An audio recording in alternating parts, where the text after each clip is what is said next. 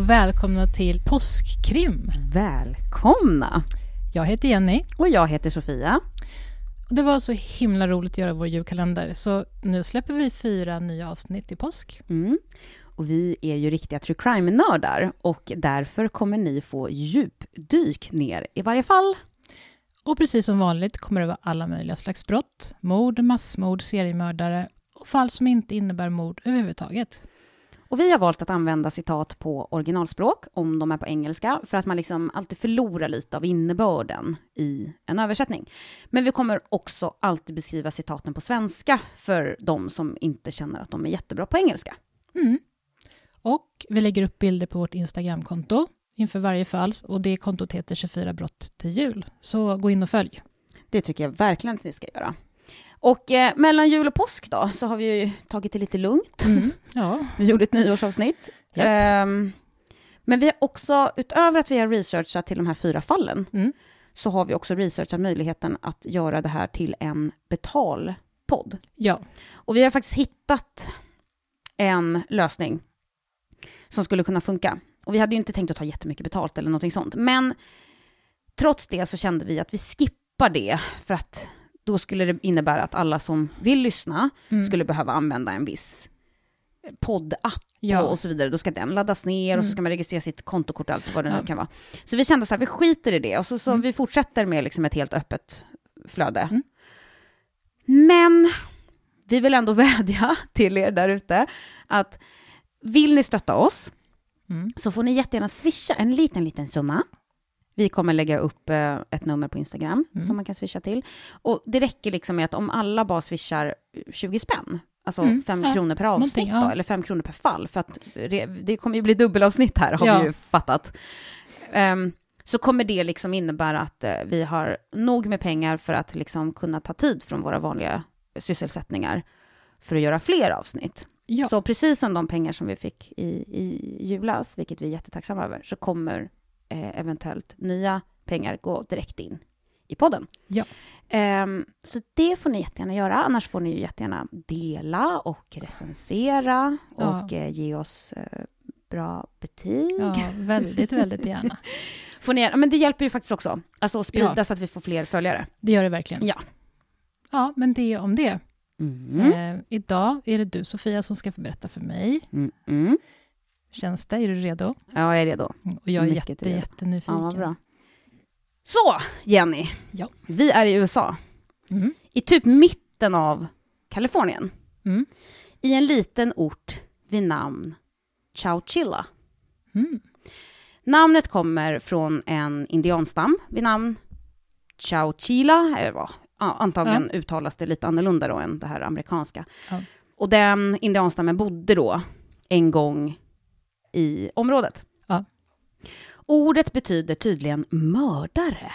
Usch då. Mm. Det bådar inte gott. Nej. Som stammen då fick för att det var så en krigarstam. Mm. Men ordet kan också betyda tapperhet, vilket såklart är lite trevligare. Mm. Men det passar ju inte riktigt lika bra in i den här podden. Nej. Nej. det är även den här stammen som är anledningen till att de första vita männen, inom Ja. citationstecken, och ett nytt citationstecken, upptäckte Ja. Yosemite Valley Jaha, okej. när de blev förföljda Mm. av ett gäng europeer, Mm. helt enkelt. Och det är fortfarande så här massa referenser till den här indianstammen i den här orten Chowchilla. Och fram till 2016 så hade gymnasiet här en maskot vid namn Redskin. Ja, där ser man. Vilket Mm. år sa du? 2016? 2016. Jaha. Mm. Så Chowchilla ligger alltså mellan Los Angeles och San Francisco, men liksom mer inåt landet. Man kan ju förklara det på andra sätt, men jag tänker att de flesta kanske vet Los Angeles och San Francisco. Ja. Men det är också, det är inte längs med kusten liksom. Nej. Den närmaste staden är Fresno, som ligger 65 kilometer sydöst om Chowchilla. Och här bor färre än 5 000 personer och de flesta försörjer sig genom små egenägda bondgårdar Mm. eller genom att jobba för lokala företag som även de ofta har med lantbruk att göra. Mm. Och det är en sån där ort där man inte känner behovet av att låsa sina ytterdörrar. Varför skulle man det? Det är ju liksom aldrig något farligt som händer här. Och alla känner alla. Ja. Med tanke på att Chowchilla är en sån liten ort så finns det liksom inte så mycket för barnen att göra över det långa sommarlovet. Så Cherryland Elementary School-distriktet erbjuder en slags sommarskola för barn mellan åldrarna 4 till 15 år eller någonting sånt. Ja. Året det här händer är 1976 och Mm. den sommaren så plockas 175 elever upp av skolbussar för att hinna till skolstart 8.45 varje dag. På förmiddagarna så undervisas barnen i mer så klassiska skolämnen som så historia och matematik. Och på eftermiddagarna så får barnen syssla med lite roligare aktiviteter som så konst och slöjd och, och Mm. simning. Ja. Barnen lever ett lekfullt liv här och vissa förklarar det som att de liksom, de vet inte ens vad rädsla är. I alla fall inte förrän det händer som jag ska berätta om idag. Mm. Året är alltså 1976, som jag sa tidigare, och det är en riktigt, riktigt varm sommardag den 15 juli. Barnen har gillat sommarskolan så pass mycket att några av dem har liksom anordnat med en så här ansökan om att den ska förlängas. Okej. Många av eleverna, lärarna och till och med en av busschaufförerna, Ed Ray, hade stöttat och liksom signerat ansökan. Mm. Det är den 15 juli då, den näst sista dagen på sommarskolan. På eftermiddagen så har barnen varit och simmat i, vid eh, Chowchilla Fairground Swimming Pool. Och när skolan är slut, klockan 15.45, samlas barnen kring de fyra bussarna som ska köra dem hem. En av dem körs av den där busschauffören som har signerat ansökan. Han heter Edward Ray, är 55 år, född i Chowchilla och känner alla barn.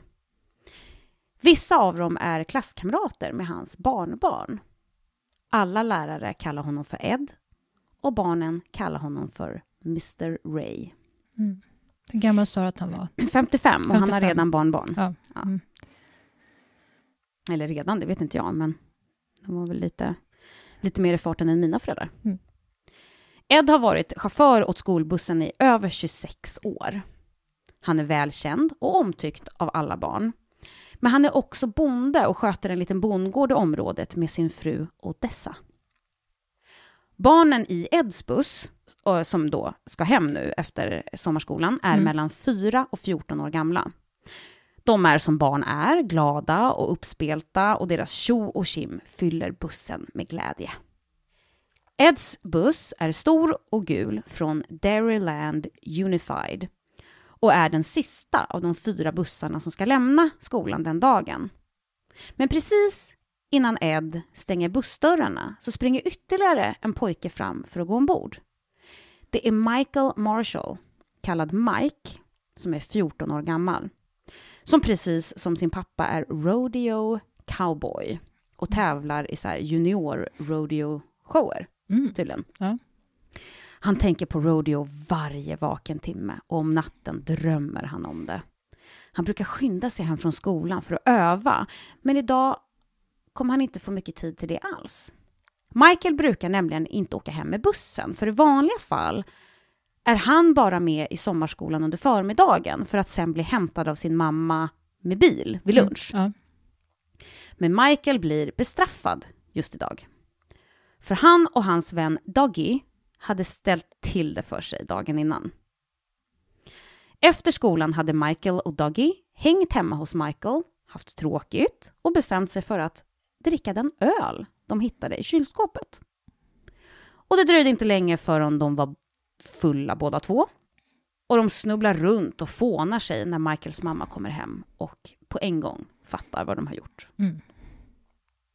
Som straff säger Michaels mamma att hon inte kommer hämta honom från skolan dagen efter. Vilket är alltså idag, den här 15 juli. Mm.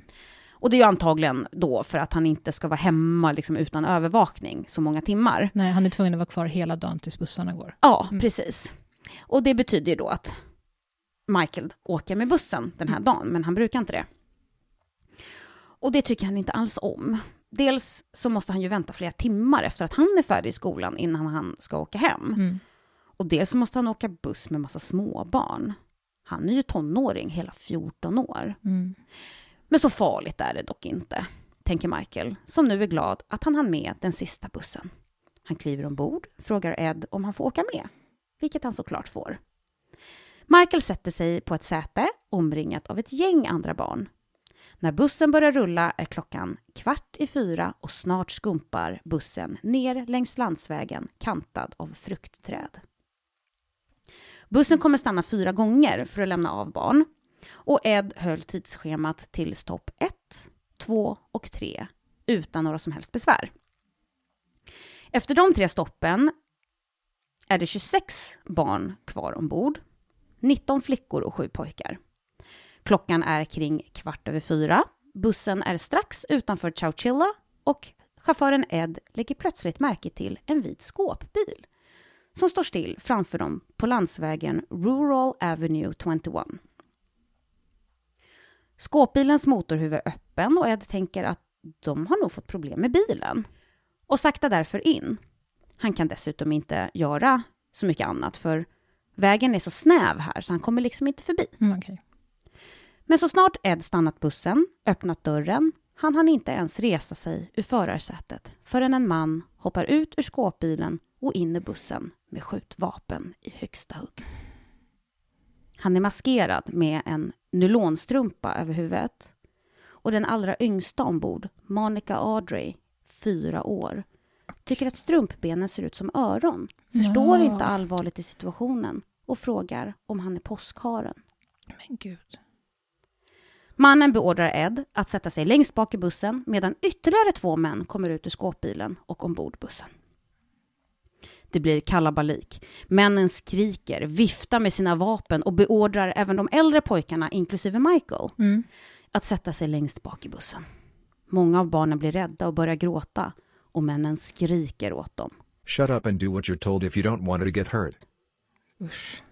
Alltså, håll käften och gör vad du blir tillsagd om du inte vill komma till skada. Mm. En av männen följer efter bilen med den vita skåpbilen.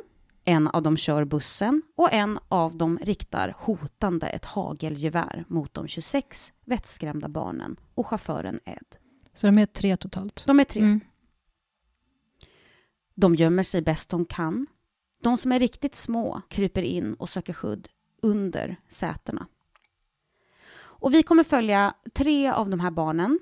Det är Larry Park, som är sex år gammal.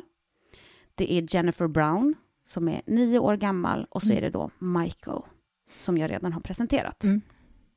Och Larry då, som är sex år, han säger så här. Where their eyes were, it was like, it almost looked hollow. It was like looking at death. Åh fy. Så han säger så här att där deras ögon var så var det bara som hål. Det var som Mm. att titta på döden. Ja. Han är sex. ja. Men det jag tänker på nu det är att det här är någonting han har återberättat. Det Mm. vill säga Mm. han...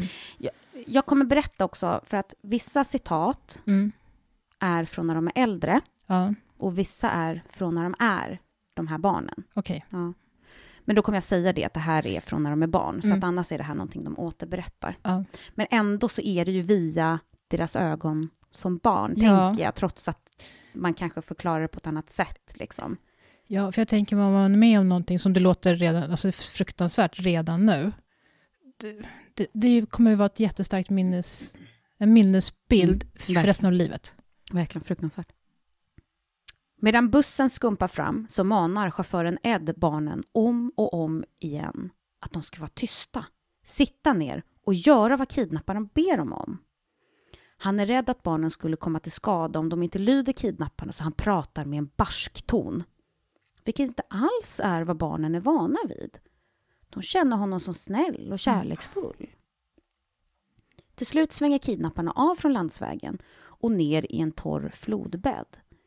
Bussen skumpar upp och ner och när de kör över den ojämna marken vaggar bussen fram och tillbaka. Barnen skriker av rädsla och kidnapparna skriker de också att de ska vara tysta.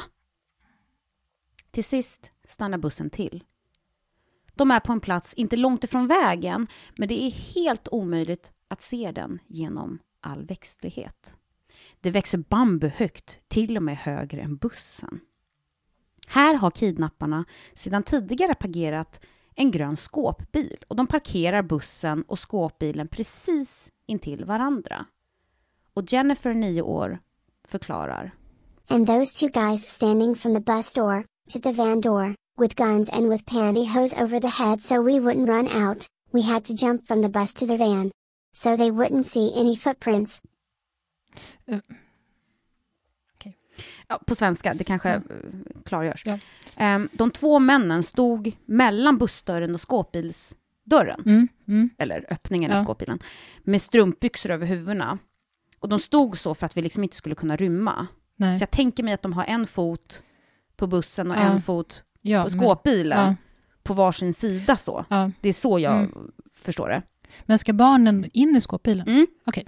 Och så, så för, eh, citatet fortsätter, vi var tvungna att hoppa från bussen till vanen. De fick liksom Ja. inte gå ner på marken för att det då skulle lämna eh, skoavtryck. Jag förstår. Kidnapparna tvingar över barn efter barn i skåpbilen och Jennifer ser hur hennes tioåriga bror Jeff knuffas in i skåpbil 1. Dörren stängs och skåpbilen kör iväg. Jennifer och Jeff är nu separerade. Jennifer är jätterädd och säger om och om igen att hon vill vara hos sin bror. Jennifer hamnar istället i skåpbil 2 tillsammans med bland andra Larry, som är sex, Mm. och chauffören Ed. De står som packade sillar, men ingen vågar röra sig med tanke på den hotfulle mannen med hagelgeväret ständigt riktade mot dem. Larry berättar. And walking toward it, the barrels on that gun seemed like they were getting so big, that they were just going to swallow me up. Alltså, när han gick mot oss var det som att gevärsmynningen var så stor att den kunde svälja mig. Även skåpbil 2 kör iväg och lämnar skolbussen gömd i växtligheten. Allt gick så fort och än är det ingen som vet att 27 personer precis har blivit kidnappade. Nej, det är ingen som har märkt att, ännu att deras barn inte har kommit hem i Nej. tid. Nej. Mm. Skåpbilarnas insida hade kidnapparna byggt om så att det såg ut som en fängelsecell med träpaneler och till och med målat fönstret så att man liksom varken kunde se ut eller in. Jennifer minns hur det var kolsvart där inne. Och sexåriga Larry tycker att det bästa sättet han kan beskriva mörkret är att det kändes som att det försökte ta honom. Jennifer säger And I felt like I was an animal, going to the slaughterhouse. Usch. Alltså, det kändes som att jag var ett djur som fraktades till slakteriet. Och här är en bild på Mm. insidan av den vita skåpbilen. Så man ser lite de här träpanelerna. Oj, det ser verkligen ut som att, men som du sa, de har, de har, De har byggt om den ja, lite, de har byggt ja. om den. Det ser ganska välgjort ut på något sätt. Alltså, det är inte någonting de har gjort på en kvart. Nej, jag tror faktiskt att eh, de inte har gjort det. De har, de har planerat. Men Precis. usch, det är redan så otäckt så jag... Det är Mm. redan otäckt, ja. Och det är vid det här laget då Jennifer och Jeffs mamma Joan Brown kommer hem från jobbet till ett tomt hus. Än är hon inte riktigt säker, så hon ropar efter sina barn att de kan komma fram nu. För hon tänker att de nog leker kurragömma med henne. Mm. Men det är fortfarande helt knäpptyst. Sen lägger hon märke till burken med jordnötssmör står inte framme. Och det är inga stolar framför tvn heller. Hon tittar på klockan. Hon är fem. Var är de? Och hon är ju inte ensam om den här upplevelsen. Ofta när sånt här händer så tänker man såklart inte att en hel buss med barn har blivit kidnappad. Nej. Utan man tänker först på lite mindre våldsamma förklaringar till varför bussen är sen. För det är ju sånt som händer. Det kan vara punktering punkter, ja. eller alltså, vad vet jag. Ja. Trafikstockning, kanske inte här. Nej, eller nej. orten på 5000, men ja. Men då en timma blev två började oroliga föräldrar hjälpa polisen att undersöka skolbussens rutt Mm. och leta liksom på dussintals landsvägar i närheten av den här rutten. Mm. Och precis innan solnedgången så får en polisman syn på en stor buss ungefär 11 kilometer utanför Chowchilla, gömd i flodbanken. Mm. Den är väl gömd och var bara synlig för luften. Och källan sa inte det, men jag får ju bara anta att de alltså får syn på den från en helikopter. Ja, något. det låter ju så.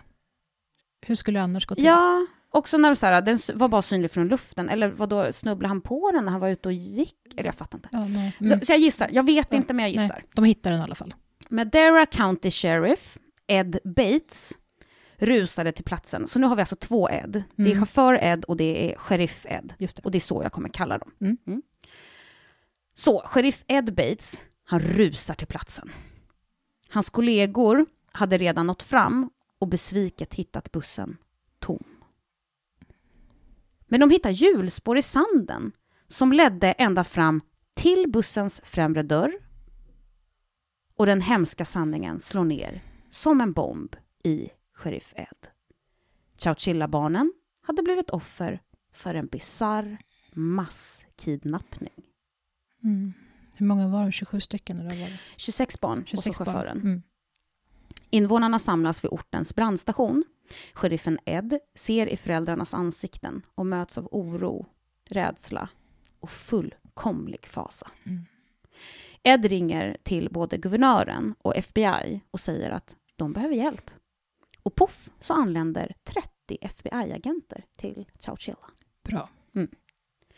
Medan sheriff Ed breddar utredningen så fortsätter barnen att våndas i skåpbilarnas beckmörka utrymmen. Jennifer berättar. Didn't know where we were going. Didn't know what they were going to do with us. We drove what seemed like for hours, upon hours, upon hours. På svenska.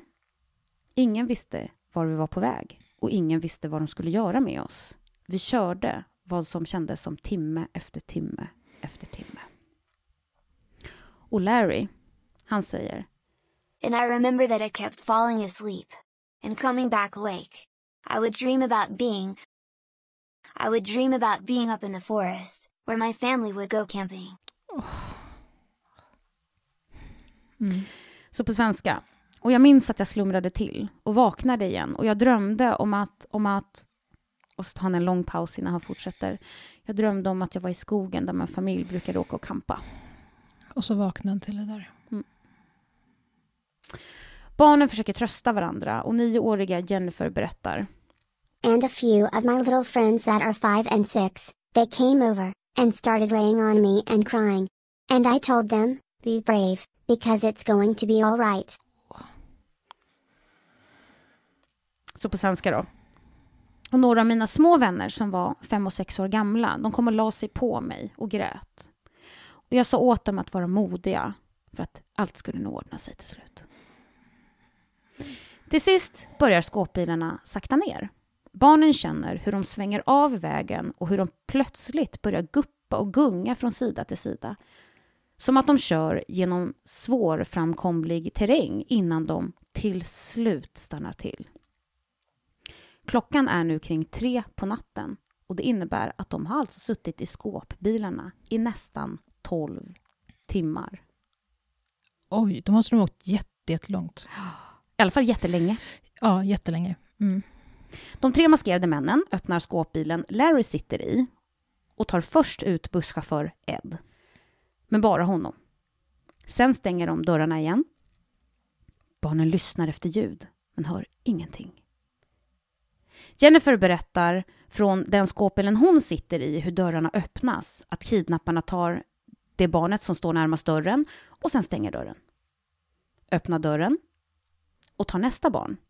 Och så fortsätter de så med alla barnen, ett efter ett, med någon minuts mellanrum. Jennifer drar sig tillbaka så hon är så långt ifrån dörren som möjligt. Hon tänker att om hon gömmer sig i hörnet så kanske de inte tar henne. Men det gör de. På första gången på länge kan Jennifer andas frisk luft. Men var är hon? Hon berättar att de liksom inte visste, hon kunde liksom inte avgöra var de var. Nej. Eh, hon visste liksom inte om hon var i öken, på stranden eller kanske i bergen. Nej.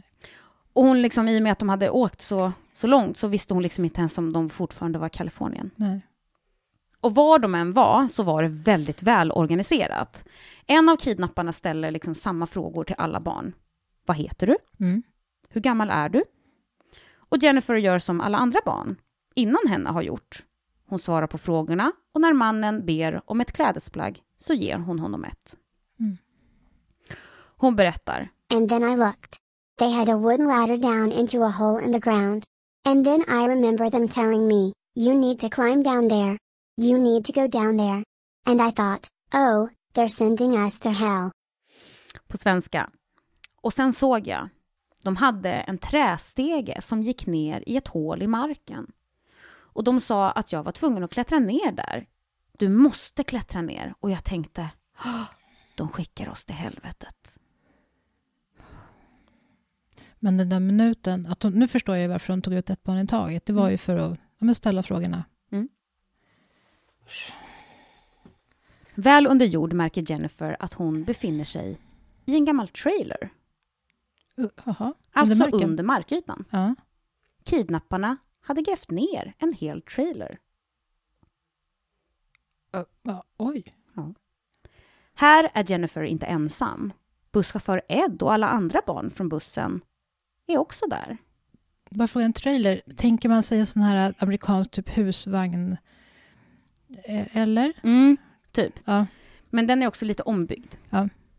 För insidan av trailern eh, är då liksom... Ja, den är ombyggd eh, för att kunna hantera ett, att ett gäng barn ska kunna överleva där ett tag. Ja. I ena änden så är det ett bord med stora vattenflaskor och massa mat. Det är flingor och jordnötssmör och brödlimpor. Hjulvalven är omgjorda till toaletter. Så det är liksom, de har gjort så trälådor där med utsågade hål. Ja. Jennifer hör fläktar, så det finns också någon slags ventilation. Mm. En har 14-åriga Michael, han då, som vi pratade om Ja. tidigare, inte blivit förd ner i hålet, för han är fortfarande i sin skåpbil med några av de allra yngsta barnen. Mm. Och han berättar. I just remember the kids got a hold of me, and were holding on to me. And just scared out of there. You know, we were all just scared out of our wits. på svenska då. Jag minns hur barnen bara liksom greppade tag i mig och höll sig fast. Och de var, ja, eller vi alla var alldeles livrädda. Mm. Michaels skåpbil töms på samma sätt som den första som Jennifer suttit i. Och till sist är bara Michael och den allra yngsta av alla kidnappningsoffer, Monica Audrey, kvar. Mm. Det var hon som trodde att det var påskharen. Ja. Michael som inte har någon aning om vad som händer har inte hjärta att lämna över Monica till kidnapparna. Så nästa gång dörren öppnas går han mot öppningen. Nej. Och han berättar. I had to take her hands from mine and tear them apart, say it would be okay, and go with them, and leave her. That was hard. Alltså, jag var tvungen att få henne att släppa mig. Och jag slet isär våra händer. Jag sa att allt skulle bli okej. Och sen gick jag mot kidnapparna och lämnade henne. Och det var svårt. Och han, han valde ju säkert då mellan ja, och liksom släppa henne från sig först. Eller att gå själv först. Han, Ja, han vilket vill- som skulle vara minst hemskt för henne. Liksom. Ja, alltså det han, det han berättar är ju att han, han vill ju inte lämna, det kändes som att han skulle lämna över henne Mm. till kidnapparna. Och det ville han liksom inte. Nej. Michael svarar på samma frågor som alla andra. Och när han sen klättrar ner för stegen, ner i hålet, så hör han barn under honom som säger It's Mike! It's Mikey! Michael! Mm. Alltså det är Mike! Ja. De känner igen honom. Och det, är som alla, det, var, det fanns bara en trailer, eller hur? Så Mm. alla som Mm. har blivit... Alla är på ett samma Ja. ställe nu. Och han förstår att alla andra lever. Och till hans lättnad så följer snart även lilla Monica samma väg ner längs med stegen efter honom. Och nu är alla barn samlade i en trailer fyra meter under markytan. Är Ed där också? Är det där? Ja. ja. Alla är för en stund glada över att märka att alla är vid liv och oskadda, om än väldigt rädda. Mm. Men den känslan försvinner ganska snabbt. Den glada känslan alltså. Ja. Eh, för plötsligt ser de hur stegen försvinner, bort, uppåt. Den enda vägen till frihet. Ner genom öppningen slängs det sen ner en rulle toalettpapper och en röst ropar ner. Vi kommer tillbaka. Och sen stängs öppningen. Mike berättar. I remember it just went dark.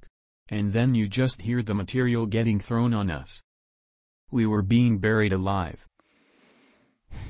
Men det är ingen belysning heller, ingenting.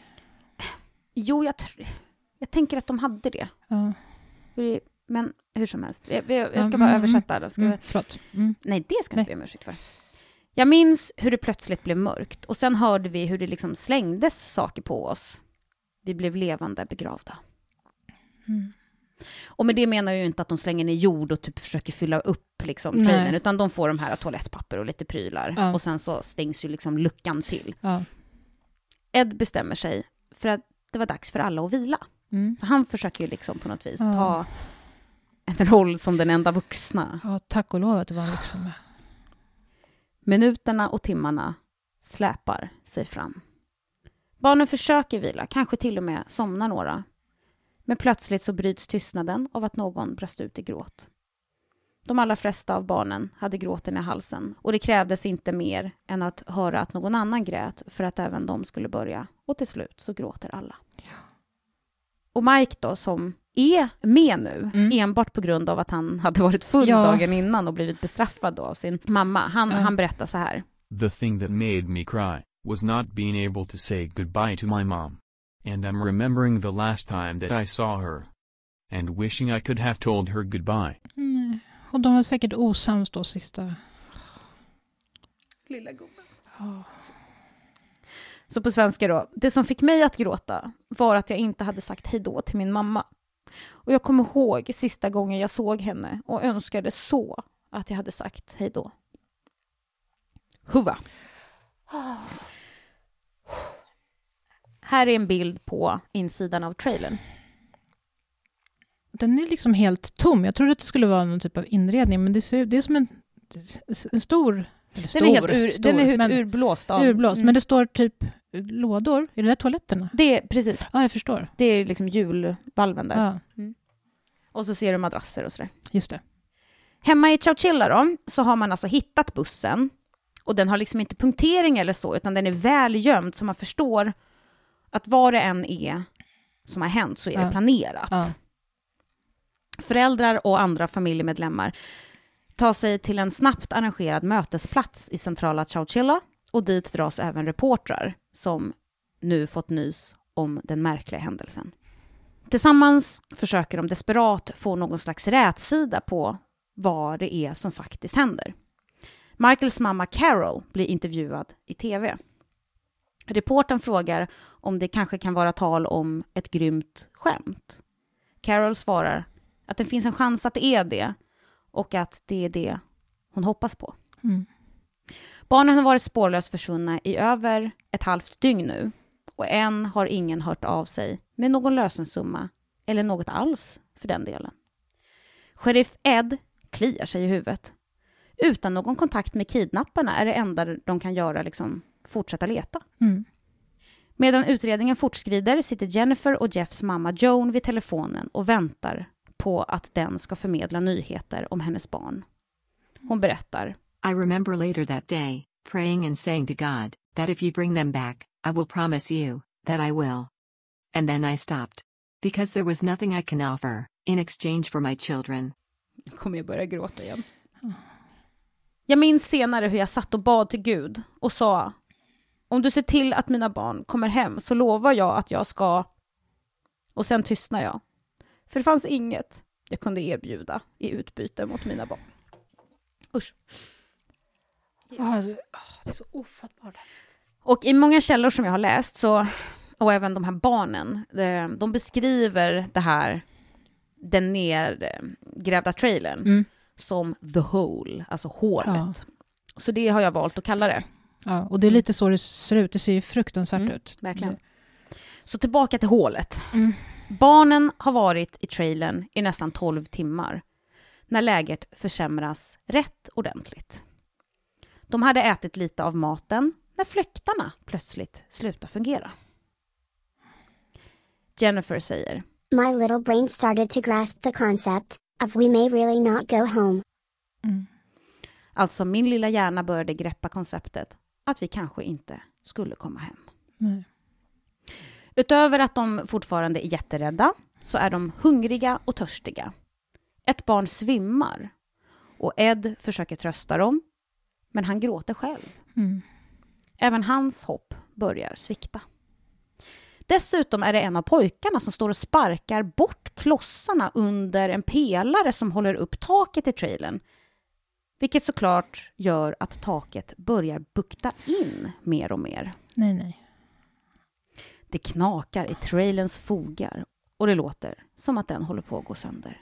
Jord sipprar in genom sprickorna och regnar ner över barnen. Larry, sex år, berättar. And I remember children just screaming and crying. The sides of the van were bowing in. I knew that I was going to die. I knew it. Alltså. Och jag minns barn som skrek och grät. Sidorna på bussen buktade in. Och jag visste att vi skulle dö. Jag bara visste. Tack och lov att man vet att i alla fall de tre som du berättar, att de överlever. Det kanske betyder att alla överlever, jag vet ju inte. Jag har en bild där man ser hur det buktar in. Ja. Oj, det buktar in jättemycket. Mm. Ja, fy. Och de här bilderna, jag kommer såklart lägga upp dem på Instagram, Mm. så dit tycker jag ni ska gå. Ja. Alla i hålet tänker samma sak. Och till slut är det de äldre som uttalar det med ord. Om vi ska dö, ska vi dö medan vi försöker fly. Mm. Mm. Det, går inte, det låter ju inte lika bra på svenska. Nej, men... Så här, mm. uh, If I'm gonna die, I'm gonna die trying. Ja. Det är den liksom. Mm, ja. Sagt och gjort. Barnen i bussen börjar jobba mer tillsammans för att ta reda på hur de möjligtvis skulle kunna ta sig därifrån. Som ett litet barn så har man ju liksom inte jättebra tidsuppfattning. Speciellt inte i en trailer som är liksom nedgrävd i marken Nej. så att man inte ser solljus. Men det var slut på både mat och vatten, så de hade varit där ett bra tag ändå. Mm. Michael, som då är 14 år gammal, är Mm. ett av de äldsta barnen. Mm. Men eh, busschaufför Ed är fortfarande med. Och tillsammans börjar Michael och Ed att syna trailerns alla hörn efter en möjlig flyktväg. De landar till sist under den stängda luckan i bussens tak, där Mm. han, de hade kommit ner igenom. Men stegen var ju uppdragen ur hålet, så de samlar alla madrasser som finns på golvet och lägger dem på varandra under luckan. De häller vatten över sig för att inte svimma av ansträngningen. Alltså, Mm. De hade tydligen lite vatten kvar. Då. Ja. Jag ljög. Ja, men lite i alla fall. Mm. Ja, för det sa inte jag om bilden när vi tittar på. Det ser ut att vara ganska högt i tak, så det är Mm. långt upp till luckan. Mm, det är nog ganska långt. Mm. De lyckas bygga madrassberget så högt att de når ända upp till luckan dock. Mm. De klättrar upp och byts av med att liksom trycka och knuffa på den. Men den rör sig inte ur fläcken. Mike berättar. And I'm giving it everything I got, and all the kids are cheering me on. You know, come on Mike, you can do it. You can do it. And then all of a sudden, they said, it moved, it moved. på svenska. Och jag tar i så mycket jag bara kan och alla barnen hejar på. Du vet, kom igen Mike, du klarar det, du klarar det. Och då, helt plötsligt, hör jag hur de säger, det rörde sig, det rörde sig. Jag har en bild på Mike. Åh. 14 år. Mm. Ja. Mike lyckas alltså rucka på luckan. Mm. Och snart är den öppen. Men än är de långt ifrån frihet. Kidnapparna hade liksom lagt lastbilsbatterier på luckan och byggt någon slags trälåda omkring den. Och jag vet inte om jag kan, kommer kunna förklara det här, men om du tänker att om du gräver ner en trailer Ja. under marken, Mm. runt luckan är en låda utan botten Ja.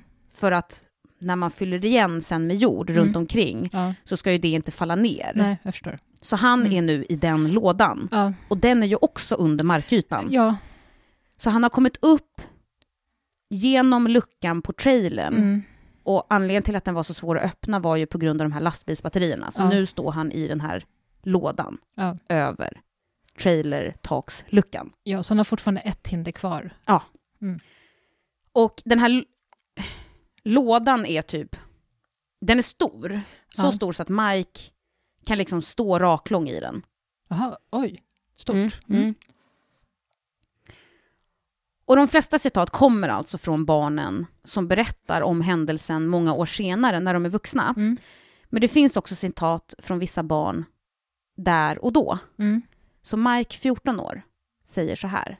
Edward squeezes me through this half foot hole. I get on top of it and I start pounding on this box. Start hitting and pounding, hitting and pounding. None of us knew if when we got out, they were just going to be standing there, with shotguns at our head and stuff. So we were kinda pretty scared. Så 14-åriga Michael säger alltså Edward tryckte mig upp genom det lilla hålet, 15 centimeter i diameter. Jag kommer upp då genom hålet och börjar liksom slå på trälådan. Ja. Jag bultar och slår och bultar och slår och ingen av oss visste om när vi kom ut. Skulle de kanske bara stå där med vapen riktade mot våra huvuden och så? Vi var liksom ganska rädda. ja. Om han kunde stå upprätt i den där lådan, betyder det att den stack upp ganska mycket från marken då? Nej, det tror jag inte. För att jag tror att den är också begravd. Ja, jag förstår. Jag tror att det, jag, alltså om jag har förstått det rätt, för den var ju begravd fyra meter under, under jord, så jag tror att Ja, jag från taket och upp till markytan är det fyra meter. Det är jättemycket. De Så måste du kan ju tänka dig då, de måste ju ha fyllt igen Ja. med jord över den här trälådan då, Ja. som Michael nu står i. Ja. Barnen då, de står nere i bussen och tittar upp mot den outtröttlige Michael. Larry, som är sex år, berättar hur han ser Michael gräva tills han blir helt utmattad. Men då fortsatte han bara att gräva ändå. Mm. Med axlarna tyngda av ansvar kan Michael inte ge upp. Då, plötsligt, strilar en ljus, bländande strimma solljus ner. Och när Larry berättar om det ögonblicket så behöver han ta en paus Ja. i intervjun. För trots att det liksom har passerat många år Ja. så är det fortfarande ett väldigt känsloladdat ögonblick Ja. som han pratar om. Och det märker du på mig, att jag är Ja. också jättekänsloladdad. Michael är den som först kryper ut i den friska luften. Mm. Och utanför står ingen. Sofia. Åh. Det är helt tomt. Ja. Helt folktomt. Allt Michael kan se är kullar och träd. Ingen annan människa alls. Ingen bil, ingen väg. De är mitt ute i ingenstans. Inga hus, ingenting. På marken syns inte en enda ledtråd om att det liksom är någonting begravet där. Och Michael förstår att om de inte tagit sig ur själva så hade ingen någonsin hittat dem. Nej. Barn efter barn klättrar upp och ut i friska luften. Och klockan är ungefär åtta på kvällen den 16 juli. De har alltså varit i hålet i nästan 16 timmar. Mm. Och det är ju då efter att de har tillbringat 12 timmar i skåpbilarna. Ja. Mm. Och nu har ju då egentligen den sista skoldagen på den här sommarskolan gått ju, antar jag. För det var Ja. näst sista som... Mm. Precis. Så de har ju varit borta i Ja, Lite drygt ett dygn. åtta på kvällen. Ja. De var ju borta sedan fyra. Ja. Så ett dygn, drygt ett dygn. Ja, Ja. Helt rätt. Snart är de alla samlade på mark igen. Och Jennifer berättar. We all just scurried like a bunch of little mice. And we heard some noises, machinery and equipment. And then we thought, oh my god. What if it's them? What if we're going right to the men that took us? Alltså, vi samlades kvicka som en liksom, flock rädda möss. Mm. Och vi hörde ljud av maskiner. Och vi tänkte, gode gud. Tänk om det är dem. Tänk om vi går i famnen på dem som tog oss. Ja. Men de känner att de liksom inte har något annat val. Nej. Så de börjar promenera mot ljudet. Mm. För visst var det så att de inte såg någon väg ens? Nej, de ser ju ingenting, utan Nej, de hör de har ljud. ingenting att följa helt enkelt. Så de går mot maskinljudet. Och snart så ser de så ett stort du vet, så transportband. Mm. Och grävmaskiner och stora maskiner. Och barnen tycker att det ser ut som The Flintstones. Stod det i en källa. Jag vet, Ja. jag vet inte riktigt vad det ska innebära, men men det- jag har inte sett så mycket Flintstones.